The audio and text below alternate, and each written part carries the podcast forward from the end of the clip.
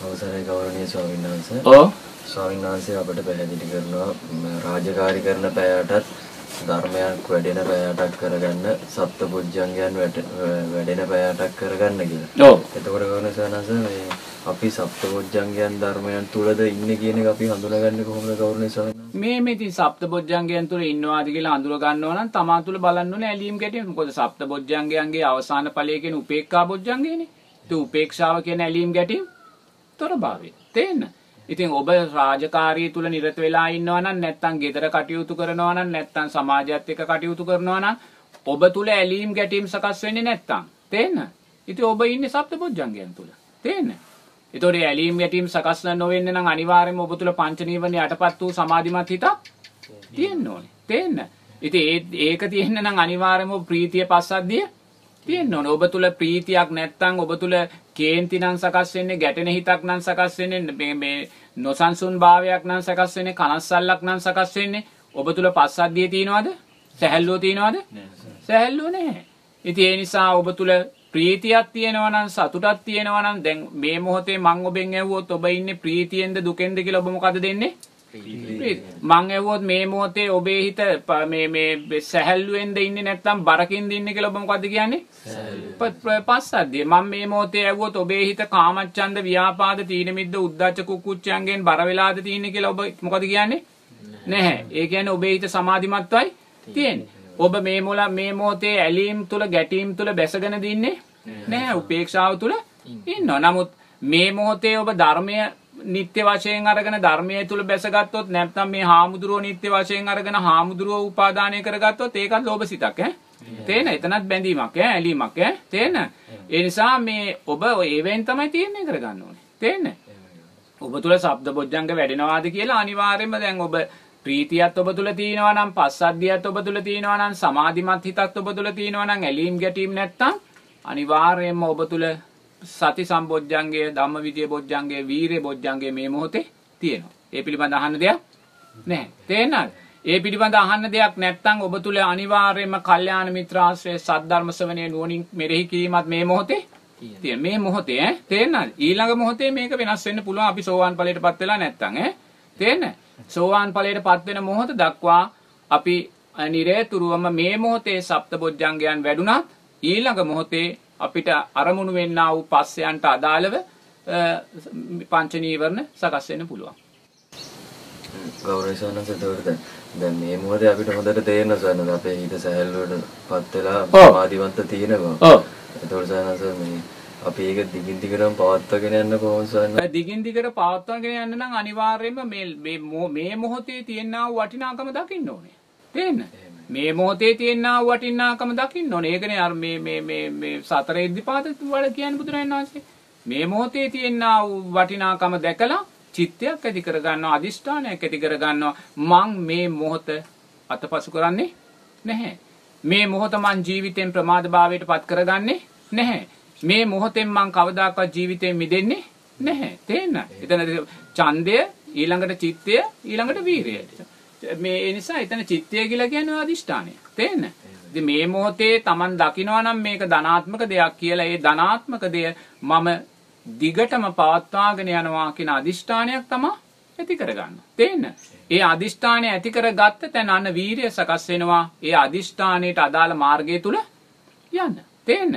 ඒතකොට මේ මාර්ගය තුල යනවා. ඉතින් ගිහිල්ලා තමයි ආ විමර්ශාව මේ සියල්ල විනිවිද දකින්නේ. තේන්න?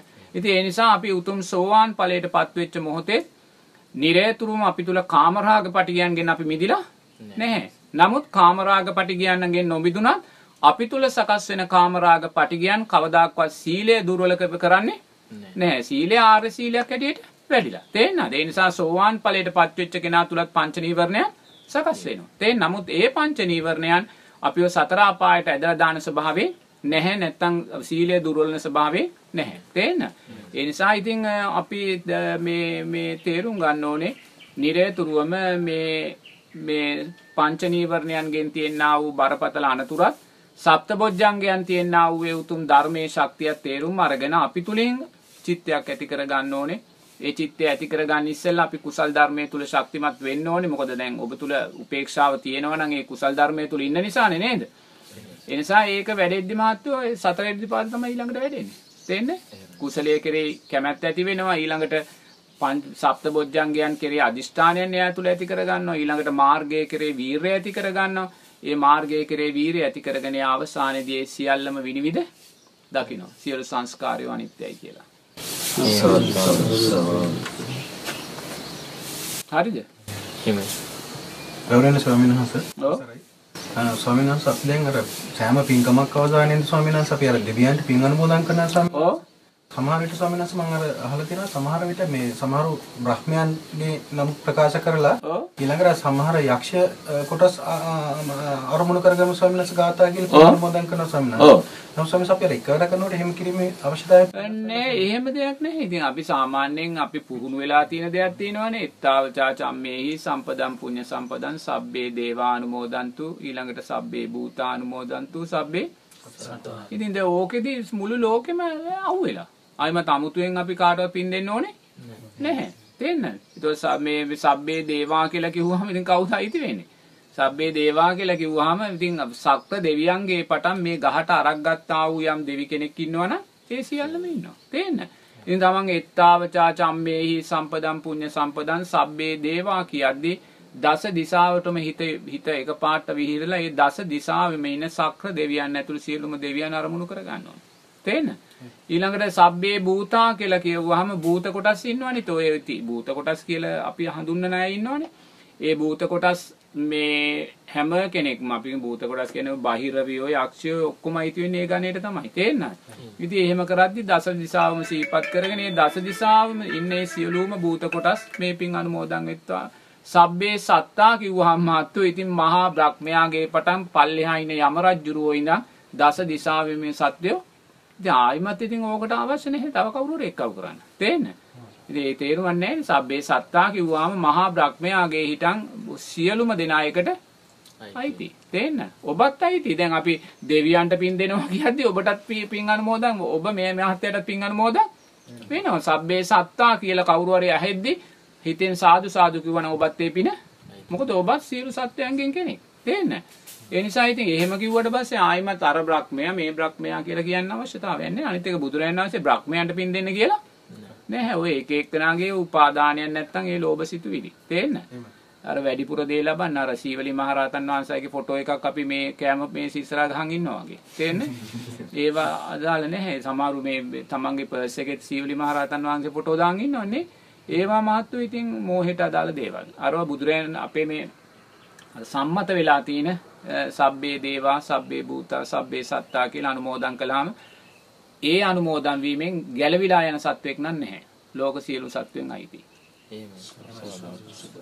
සබ්බේ සත්තා කියද්දි මෙතන බල්ලෙක් ඉන්නවා නම් ඒ බල්ලටත් අපි පින් දුන්නා වෙනවා. නමුත් එයාට ඒ පින් අනුමෝදන් කරන්න බැහැ. මොකද එයාට ඒ දැනීම නෑ. නමුත් ඒ බල් එයාට දැනීමක් තියෙන කෙනෙක් නම් සබ්බේ සත්තා කියද්දි ඒ බල්ලට සාදු සාදු කියලා අනුමෝදන් වෙන්න පුළුවන්. නමුත් එයාට ඒකට පින නැහැ. තේන්න එහි.